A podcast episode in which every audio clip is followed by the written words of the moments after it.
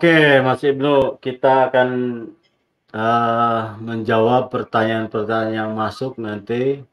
Kita lihat apakah sudah ada yang bertanya dari sahabat mutiara yang senang membudidayakan tanaman jahe.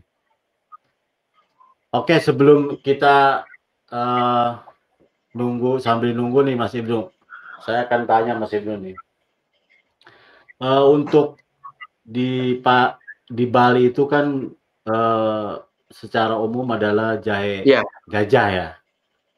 Nah ini Mas Ibnu, uh, apa bedanya dengan uh, jahe emprit atau jahe merah dari apa dari segi budidayanya ini mudah mana Sebenarnya ini, sama saja kalau dari segi budidaya atau hmm. apa namanya kan satu satu jenis, hamanya juga akan sama, penyakitnya juga akan sama, uh, sama.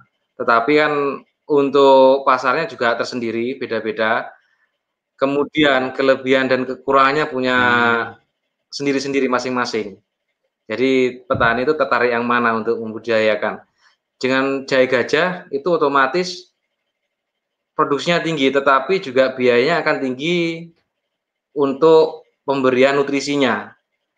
Produksinya sangat tinggi, otomatis kalau nutrisinya sangat belum tercukupi juga tidak akan e, memaksimalkan potensi hasil dari tanaman tersebut. Oke, dari segi harga nih, Mas Ibnu, uh, antara merah, emprit sama Ha, kalau yang merah beda ya, belum gitu. dapat info juga di pasar ini. Mungkin saya bisa tanya ini, ibu-ibu ini, si ke pasar hmm. dulu. Kalau yang jahe gajah sendiri sudah eh. tiga puluh ribu Pak Ermain per kilonya itu. Iya dari petani. Tiga puluh ribu ya. Tiga puluh ribu hmm. sangat tinggi sekali. Iya. Luar biasa berarti ya. Oke, Mas Ibu, ini ada pertanyaan dari Ferry Erlangga, part 3 de, di Facebook ya. Jahe lebih baik ditanam di tanah hamparan atau ditanam di polybag? Monggo, Mas Ibnu. Ya, untuk jahe baik itu ditanam hamparan baik, di polybag juga baik. Nah, kita lihat kondisinya. Jika punya hamparan luas atau lahan di belakang rumah ya cukup luas, atau di samping rumah cukup luas, depan rumah cukup luas, lebih baik hamparan. Seperti itu Pak Ermen. Kalau di polybag okay. tentunya biayanya lebih tinggi. Masih membeli polybag, masih ada tenaga kerja untuk memasukkan tanah ke polybag. Okay. Kalau untuk e, misalkan untuk perkotaan atau ladang tidak luas, tanah yang gersang, lebih bisa pakai polybag itu solusinya kalau tanahnya tidak memungkinkan untuk tanam jahe nah beli polybag beserta tanahnya budidaya uh, menggunakan polybag Pak Ermain seperti Oke, itu. Oke, mungkin polybag itu kalau untuk ketahanan pangan rumah tangga lah ya. ya Cocok Pak Ermain. Nanam, nanam 5 atau 10 polybag ya itu cocok. Tapi kalau untuk uh, skala besar industri itu memang harus hamparan ya Mas Ibnu. Iya, benar Pak. Oke, ini pertanyaan kedua dari Facebook Aditya Pratama. Izin bertanya Pak, kalau pupuk kimia apakah tidak mempengaruhi kandungan herbal pada jahe? Bandung, Lembang. Monggo. Oke, saya coba menjawab nanti kalau ada kurang-kurangnya tinggal senior saya Pak Herman yang membantu ya. uh, pupuk kimia uh, kalau menurut saya juga tidak akan mempengaruhi kandungan herbalnya, malah meningkatkan kandungannya karena dengan pupuk kimia selama ini juga orang anti kimia. Padahal juga kimia itu untuk untuk tanaman itu istilahnya sudah siap saji Misalkan begini, dengan pupuk organik, pupuk organik itu masih harus dirubah dulu dari anor dari organik menjadi anorganik kandungannya baru bisa diserap oleh tanaman. Jadi dengan pupuk kimia jangan khawatir dengan kandungannya malah tercukupi nutrisinya. Dengan tercukupi nutrisinya, maka tanaman itu akan eh, lebih lebih mudah untuk menciptakan enzimnya atau menghasilkan uh, hasil uh, rimpangnya itu lebih lebih baik. Jadi kemungkinan dengan pupuk kimia tercukupi akan uh, hasil dari umbinya atau rimpahnya itu juga tentunya akan lebih baik seperti itu Pak Ermain. Kalau okay. ada yang salah mohon dikoreksi nih Pak Ermain biar uh, Oke, okay. uh, saya tambahkan dikit ya. Ya memang uh, dari proses pembuatan pupuk itu pun ya dari hasil tambang ya, fosfatnya, kaliumnya dan macam-macamnya. Dan satu uh, saya informasikan bahwa subur kali itu adalah sudah dapat lisensi untuk pertanian organik Mas Ibnu. Ya jadi jangan khawatir itu dari uh, subur kali itu kan dari KS ya. Uh, Jerman itu sudah mendapatkan lisensi untuk pertanian organik. Oke uh, mudah-mudahan puas Mas Adit kita lihat ada pertanyaan lain oh ini dari Hadi Herdiana Facebook. Apa bedanya pemupukan dengan menggunakan pupuk alami dan kimia? Karena di lapangan sering terjadi perdebatan tentang kualitas produksi. Monggo, Mas Ibnu. Ya, banyak tentunya menjadi ini apa namanya perdebatan. Apalagi hasilnya kimia atau dari kimia atau organik Nah, semua itu tergantung masing-masing. Untuk ini, untuk perbedaannya sangat tinggi. Kenapa saya bilang sangat tinggi? Karena dengan uh, pupuk organik, pupuk organik itu berapa sih kandungan N-nya, berapa kandungan fosfatnya, dan berapa kandungan kalium maupun unsur hara lain. Sedangkan tanaman itu yang kita panen berapa ton? berapa ton yang kita panen, kemudian NPK-nya berapa. Nah, yang kita panen itu yang harus dimasukkan. Sedangkan pupuk organik, NPK-nya itu belum terukur, jadi belum tahu kita masukkan apa yang kita masukkan. Sedangkan umur tanaman itu dari kecil sampai besar itu berbeda kebutuhan nutrisinya. Jadi nggak tahu kalau kita masukkan organik berapa kebutuhannya tanaman itu pasti Eh, nggak tahu nggak nggak karena organik nggak bisa dihitung NPK-nya susah menghitungnya. Kalaupun dihitung kebut, uh, kandungan NPK di organik itu sangat kecil, otomatis pemukanya harus sangat banyak. Jika pemukanya tidak banyak, maka kualitas produksinya tidak akan bisa menyamai dari pupuk kimia. Jadi pupuk kimia itu sudah siap saji dan kandungannya terukur. Berapa sih kandungannya di dalam pupuk kimia itu sudah ada uh, ada ukurannya. Jadi kita masukkan saat awal kebutuhan fosfat tinggi kita masukkan kebutuhan apa pupuk yang mengandung fosfat tinggi. Kemudian saat untuk pembesaran timpang atau umbi kita masuk uh, dengan kalium tinggi seperti itu. Jadi otomatis hasil yang dihasilkan dengan pupuk kimia maupun organik itu berbeda. Saya rasa jauh lebih bagus dari hasil yang pemukan dengan kimia. Seperti itu. Oke, saya akan tambahkan dikit uh, Mas Ibnu. Ya, jadi uh, memang kalau bahan organik itu tidak terukur, benar kata uh, Mas Ibnu. Tapi kalau untuk menggemburkan tanah supaya nilai tukar kationnya itu lebih besar itu makanya kita harus dipadukan antara bahan organik dengan pupuk e, kimia ya toh walaupun diberikan bahan organik karena sedikit ya bahan e, haranya itu yang diserap oleh akar tanaman tetap adalah eh, unsur-unsur uh, kimia ya seperti kalium, fosfat, uh, nitrogen dan lain-lain. Jadi tanaman memang tidak bisa menyerap dalam bentuk lain ya.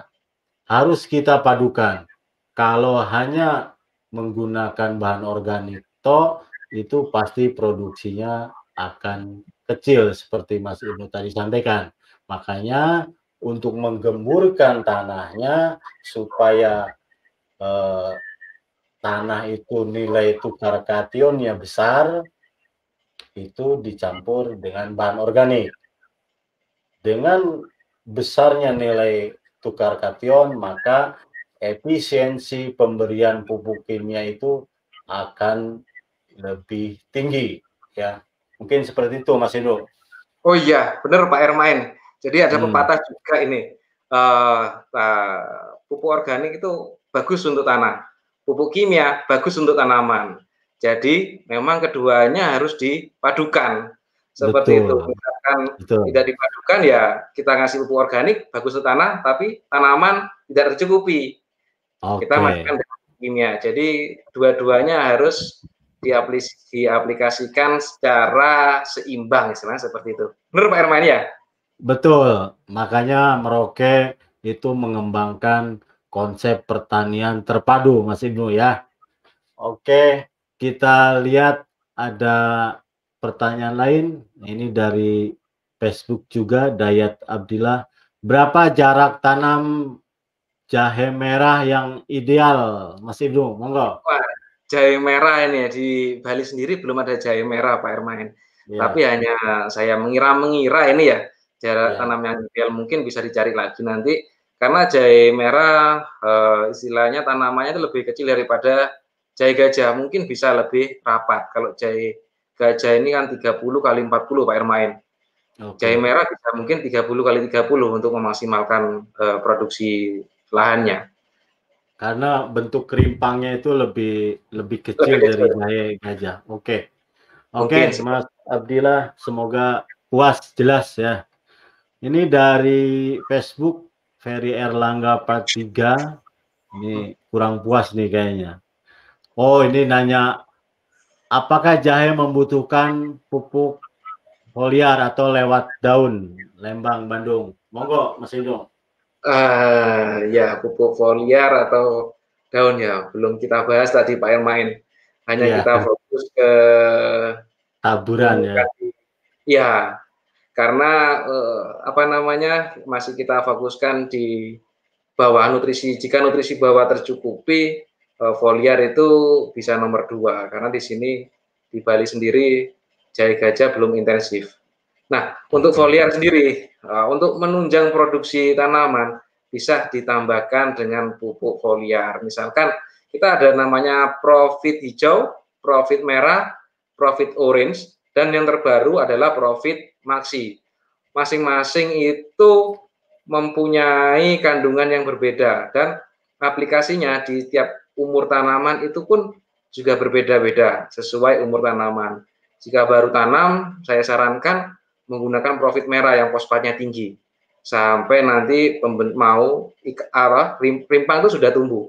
Nah, nanti untuk sudah ber e, pembesaran rimpang, saya sarankan menggunakan profit maxi yang kandungan N-nya itu kecil, kemudian fosfatnya lumayan dan kalinya sekitar 38% itu sangat bagus untuk pembesaran rimpang atau kalau boleh juga profit orange.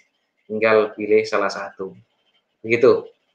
Oke, jelas ya Mas Erlangga. Uh, kita lihat apakah ada pertanyaan lain. Oh ini dari Facebook juga Muhammad Dani. Bagaimana cara penanggulangan tanaman terserang busuk rimpang? Umur sekitar 3 sampai 6 bulan dan suka nyebar dari segi apa yang segi apa saja penanggulangannya? Monggo Mas Indo. Nah, untuk penanggulangannya Penyakit, sebenarnya ya? penanggulangannya kan ditanggulangi uh, bukan diobati. Nah, dari pengolahan lahan sebenarnya Pak Ermain. Pengolahan Oke, lahan dari itu awal ya. Dari awal pupuk kandangnya itu apa benar-benar pupuk kandang atau masih kotoran? Kalau masih kotoran itu tentunya masih ada amonium tinggi, kemudian belum terfermentasi, dan ada istilahnya jamur-jamur yang merugikan. Itu harus dihindari untuk penggunaan pupuk kotoran mentah yang belum fermentasi. Nah, kemudian aplikasi saat eh, pengolahan lahan, aplikasi penggunaan bakteri-bakteri atau eh, istilahnya yang seperti trichoderma atau bakteri yang lain yang menguntungkan itu perlu diaplikasikan saat pengolahan lahan. Itu bisa dibocorkan di pengolahan lahan. Jadi untuk penanggulangannya itu eh, kemudian nah untuk jika untuk pengobatan bisa menggunakan fungi-fungi. Kita sarankan untuk funginya adalah yang kontak dan sistemik.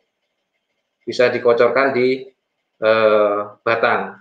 Jadi harus memang menggunakan dua fungisida, misalkan menggunakan bahan aktif mankosep dan karbendasin, eh, kontak dan sistemik seperti itu.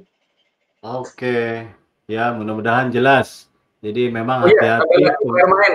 Uh, ya. Satu lagi, uh, gunakan bibit yang bebas dari uh, sudah busuk. Jadi kualitas bibit okay. juga mempengaruhi uh, selanjutnya. Paling penting itu adalah bibitnya. Jadi harus diperhatikan dari mana asal mula bibit itu Pak Ermain.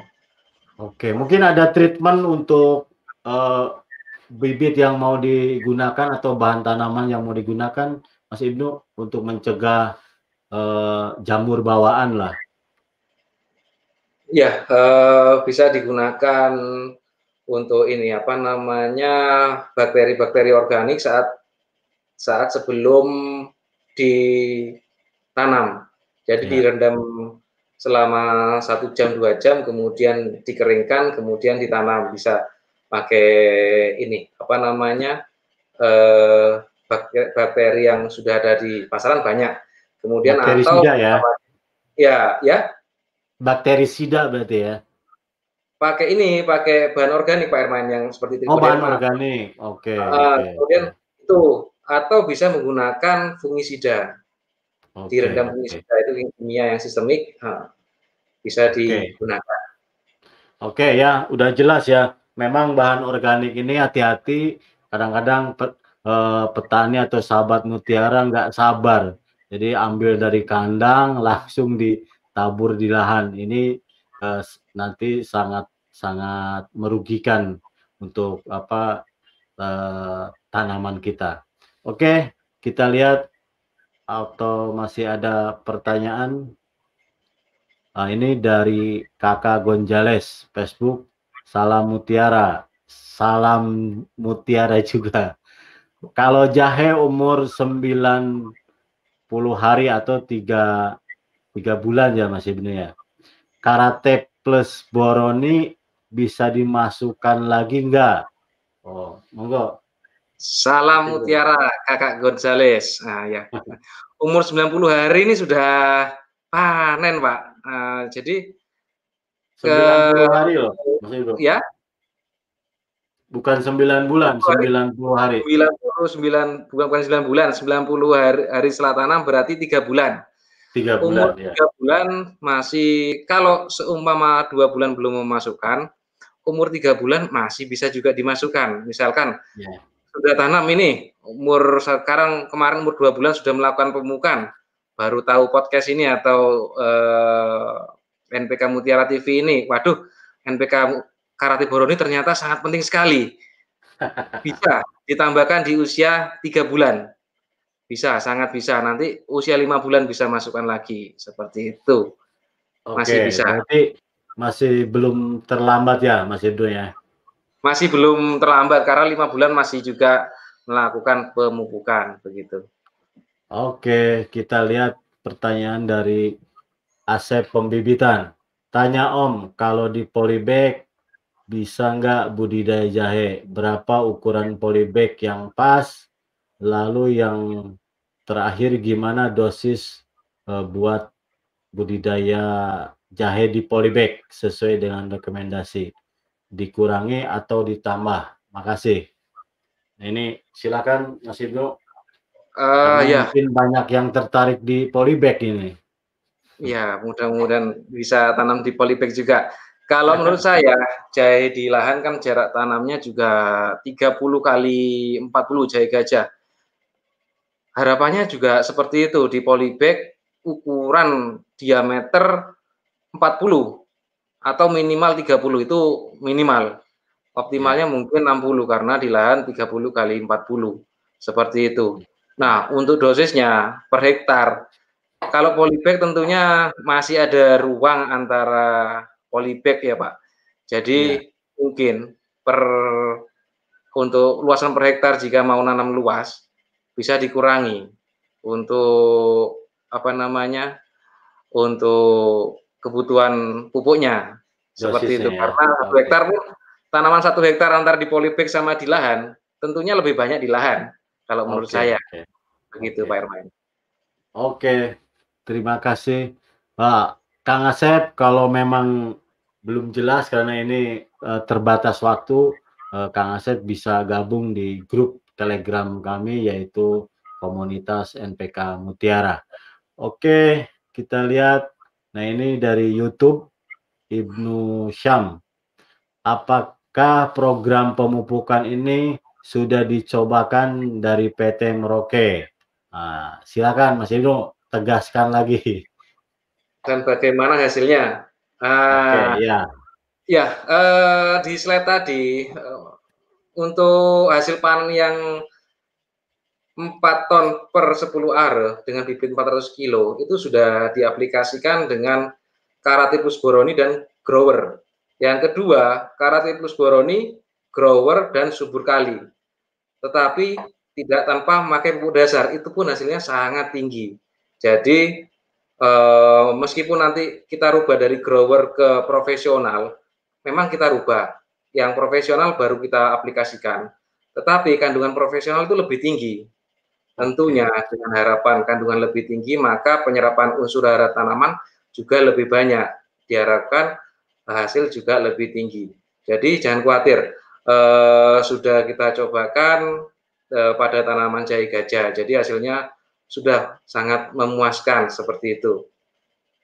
Oke, terima kasih Mbak Binu. Jadi uh, memang ini udah udah dicobakan di Bali ya.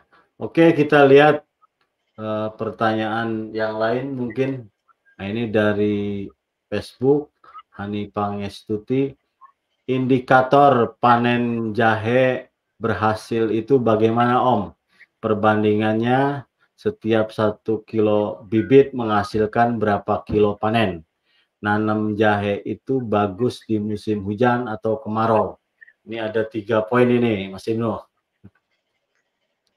Ya, indikator panen jahe itu berhasil bagaimana? Kalau indikatornya tentunya dengan produksi yang tinggi, kemudian pasca panen jahe itu tidak busuk atau saat panen pun tidak busuk. Itu indikator eh, eh, berhasilnya dan produksi biaya hasil produksi hasil produksi melebihi biaya eh, untuk produksi itu kemudian satu kilogram jadi berapa nah itu untuk kemarin luas 10 are itu 400 kilogram untuk bibit bibit jahe gajah yang dihasilkan adalah 4 ton nah itu jadi satu kilo bisa jadi 10 kilo. Satu kilo jadi 10 kilo gitu. Satu yang ketiga, banding 10 satu banding 10. ya. Berarti. Ya. Oke. Seperti itu. Itu belum pemukan yang banyak seperti itu. Ini yang ketiga, baik di musim hujan atau di musim kemarau. Jahe itu kalau tidak ada pengairan di ladang tanda hujan, baik bila tanam saat awal musim hujan. Jadi bulan September itu udah harus tanam. Kalau kemarau kita tanam tentunya saat pertumbuhan yang banyak-banyak membutuhkan air di usia 2 bulan sampai 5 bulan, itu kalau kemarau tanaman jahe tidak akan tumbuh optimal. Jadi lebih baik awal musim hujan, kemudian sudah pembesaran umbi, itu sudah masuk musim kemarau kita panen. Seperti itu. Oke, terima kasih Mas Ibnu. Ya, memang tanaman jahe ini di awal tadi Mas Ibnu bilang bahwa memang membutuhkan atau daerah yang curah hujannya tinggi yaitu 2.500 sampai 4.000 ml ya. Jadi memang kebutuhan airnya besar ya. Oke. Uh, ini dari Facebook Evodea Nabila pupuk semprot yang dianjurkan untuk memperbanyak dan memperbesar rimpang jahe apa Om? Dosis dan interval pemberiannya seperti apa? Salam Mutiara. Monggo Mas Ibnu. Ya, tentunya kalau untuk memperbanyak rimpang itu adalah butuh fosfat yang tinggi. Oleh karena itu kita sarankan dengan ke, penyemprotan menggunakan pupuk profit merah. Di situ kandungan fosfatnya sangat tinggi. Jadi baru tanam sudah keluar, kemudian udah terbentuk daun. Nah, itu kita sarankan menggunakan profit merah sampai usia lima bulan. Itu profit merah. Jadi profit merah itu eh, bisa digunakan kalau menggunakan tangki semprot 2 sampai 3 sendok per tangki. Penggunaannya bisa dicampurkan dengan fungisida atau insektisida yang lain seperti itu. Kalau sudah untuk pembesaran umbi bisa gunakan profit orange atau profit maxi, pilih salah satu. Seperti itu. Oke, udah jelas ya. Mas Indo sebelum pertanyaan yang lain, oh oke oke. Nanti pertanyaan saya simpan dulu lah. Ini dari uh, Mas Ibnu Syam lagi uh, uh, YouTube ya. Saya dari Pontianak, Pak. Di sini panasnya pol. Banyak petani jahe di sini menggunakan paranet alasan mereka kalau dipak kalau nggak pakai paranet daun jahe pada cepat kuning. Kenapa ya? Monggo Mas Ibnu. Oke, ah ini mungkin kan beda tempat ya. Juga ya. saya di Bali mungkin beda beda cuaca. Kita coba jawab. Penggunaan paranet di Pontianak di sana daerah panas Pak Herman ya? Panas, ya betul. Panas ya, kemungkinan kuningnya itu bisa karena kelembaban tanah sangat kering. Kita lihat juga nggak bisa langsung eh, apa namanya ya, bicara, tapi dengan kemungkinan menggunakan paranet agar tidak panas, kemudian menjaga kelembaban air. Jika air sangat kurang, otomatis daun itu juga akan protes protes mereka tidak berbicara, menunjukkan keadaan mereka seperti ini saya, seperti itu. Uh, mungkin seperti itu kalau pendapat saya. Bisa ditambahi Pak Ermain. Oke, uh, memang Pontianak ini adalah garis katulistiwa Mas Ibnu. Mungkin uh, harinya lebih panjang ya. Jadi kalau mau menggunakan paranet atau shading itu perhatikan adalah kerapatannya. Jangan terlalu rapat ya. Karena nanti tanaman kurang energi matahari ya produksi kurang kurang apa? kurang bagus juga ya. Mungkin eh, seperti itu jangan terlalu rapat menggunakan paranetnya ya. Terus yang kedua, kalau semakin banyak sinar matahari yang diterima tanaman, itu pemberian nutrisinya hati-hati. Kalau sedikit pasti dia akan ngambek karena energi untuk masaknya banyak tapi untuk bahan yang dimasaknya itu kurang ya. Ini hati-hati sekali uh, ini juga berlaku di tanaman uh, semua tanaman ya, terutama tanaman yang daun lebar seperti kopi, kakao itu memang kalau nutrisinya tidak diperhatikan dan sinar matahari tinggi ini ya tanaman akan ngambek ya karena kurang makan lah. Oke, seperti itu Mas Ibnu. Oke, ini dari By Vin uh, Facebook. Saya tanam tanpa semai, tapi tumbuhnya tidak merata. Ada yang tumbuh berdaun enam tetapi masih belum keluar akar. Mohon solusi dan pupuk yang bisa digunakan di lahan gambut. Eh, salam dari Kalbar. Monggo Mas Ibnu. Ya, eh, memang bibit memang harus diperam dulu istilahnya biar rata. Karena kalau tidak rata eh, kerjaan dua kali lagi seperti itu tidak rata pertumbuhannya kemudian nanti panennya juga repot juga. Jadi tadi belum saya jelaskan untuk bibit yang rata. Bibit yang rata itu eh, diperam dulu menggunakan karung goni eh, itu biar menimbulkan istilahnya efek hangatnya untuk memunculkan tunasnya. Itu yang paling penting bibit tunas bibit harus rata. Kalau tidak rata bagaimana?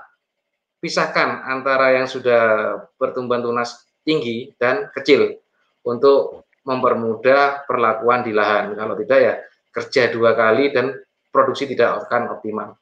Nah, untuk di lahan gambut ya, nah ini masternya Pak Ermain yang sering ke Kalimantan. Solusinya bagaimana Pak Irman? Apa yang perlu ditambahkan? Apa subur kali kita naikkan atau bagaimana Pak Irman? Oke, di saya akan tambahkan bentar. Uh, uh, sebenarnya lahan gambut ini adalah uh, lahan apa tanah organik ya, tapi dia belum matang. Itu yang jadi masalahnya. Ya kita kalau seperti itu pasti dia pH-nya akan akan drop ini Mas Ibnu. Ya saran yaitu yang menggunakan uh, untuk pembenah apa pH ya. Terus gunakan pupuk yang nilai apa kandungan nitrogen amoniumnya itu tinggi supaya nanti pH-nya enggak terlalu ngedrop juga ya. Makanya ini resep dari Mas Ibnu monggo silahkan di, dicoba ya untuk di Kalimantan. Nanti saya tunggu kabarnya orang Kalimantan Barat. Oke, mungkin itu Mas Ibnu. Kita masih apakah ada pertanyaan lain? Kalau nggak ada, saya akan tanya sekali nih Mas Ibnu. Ya, uh, saya tanya singkat aja ini. Untuk karate plus boroni nih, Mas Ibnu. Hasil panen rimpangnya seperti apa pengaruhnya nih, Mas Ibnu? Ini saya rasa penting untuk sahabat mutiara eh, ketahui. Monggo, Mas Ibnu. Oh iya, uh, untuk hasil rimpangnya uh, dari penggunaan karate plus boroni itu hasil panennya lebih kuning atau istilahnya itu lebih bersih daripada eh, jahe yang lain. Untuk titik busuknya eh, ini lebih jernih istilahnya, lebih celing gitu kata petani. Jadi untuk menjualnya mereka lebih gampang dan eh, daya tahan simpan dari bibit yang digunakan mau digunakan untuk bibit itu lebih lama, lebih bagus. Oke. Busuknya lebih sedikit Pak Ermain. Begitu. Oke. Oke, terima kasih Mbak Inu. Uh, sahabat Mutiara, apabila pertanyaan yang belum terjawab, jangan khawatir. Nanti kita ada sesi apa video podcast untuk uh, menjawab pertanyaan-pertanyaan dari sahabat Mutiara yang belum kita sempat kita jawab di temu tani ini ya. Karena waktunya kita hanya satu jam lebih ya, dikit nanti kita ada uh, video namanya Q&A khusus untuk menjawab pertanyaan-pertanyaan yang belum sempat terjawab. Oke Mas Ibnu, sebelum closing saya akan sedikit menyimpulkan ini ya untuk uh, jahe yang di Bali. Memang jahe di Bali tadi Mas Ibnu katakan ini masih jadi tanaman selak yaitu tanaman jeruk ya tadi uh, umur jeruk sebelum uh, tiga tahun itu tanah yang di yang di sela-selanya itu dimanfaatkan untuk tanaman jahe. Tapi tidak menutup kemungkinan untuk provinsi lain mungkin ini sebagai acuan bahwa tanaman jahe ini dibudidayakan ya sangat sangat eh, ekonomi tinggi ya, apalagi di masa pandemi ini. Terus eh, memang butuh pengairan yang tinggi ya. Kalau memang nggak ada perair, uh, pengairan irigasi itu ya uh, apa kebutuhan air hujannya itu memang tinggi ya curah hujannya 2.500 sampai 4.000 terus butuh full sinar matahari. Uh, itu. Tapi di daerah yang dataran rendah seperti Kalimantan Barat, ini full matahari harus diperhatikan adalah pemberian haraknya karena nanti akan bermasalah kalau haraknya kurang. Oke, itu uh, kesimpulan dari saya, Mas Ibnu. Terima kasih sekali sekali lagi saya ucapkan Mas Ibnu uh, atas materinya, ya. Semoga bermanfaat untuk uh, para sahabat Mutiara. Oke, sahabat Mutiara, jika temu tani online ini uh, dirasa bermanfaat, monggo bagikan video ini sebanyak-banyaknya di media sosial Anda supaya menjadi motivasi kami ke depannya untuk memproduksi lagi lebih banyak video-video edukasi lainnya. Ikuti terus kami di media sosial. Ayo follow Meroke Tetap Jaya di Instagram, like Facebook Meroke Tetap Jaya. Bagi Anda yang nonton di YouTube, jangan lupa like video ini subscribe channel NPK Mutiara TV dan pentung tanda loncengnya agar sahabat Mutiara tidak ketinggalan video-video edukasi kami lainnya. Stay healthy, jaga jarak, pakai masker. Assalamualaikum warahmatullahi wabarakatuh. Sampai jumpa di episode berikutnya. Salam Mutiara.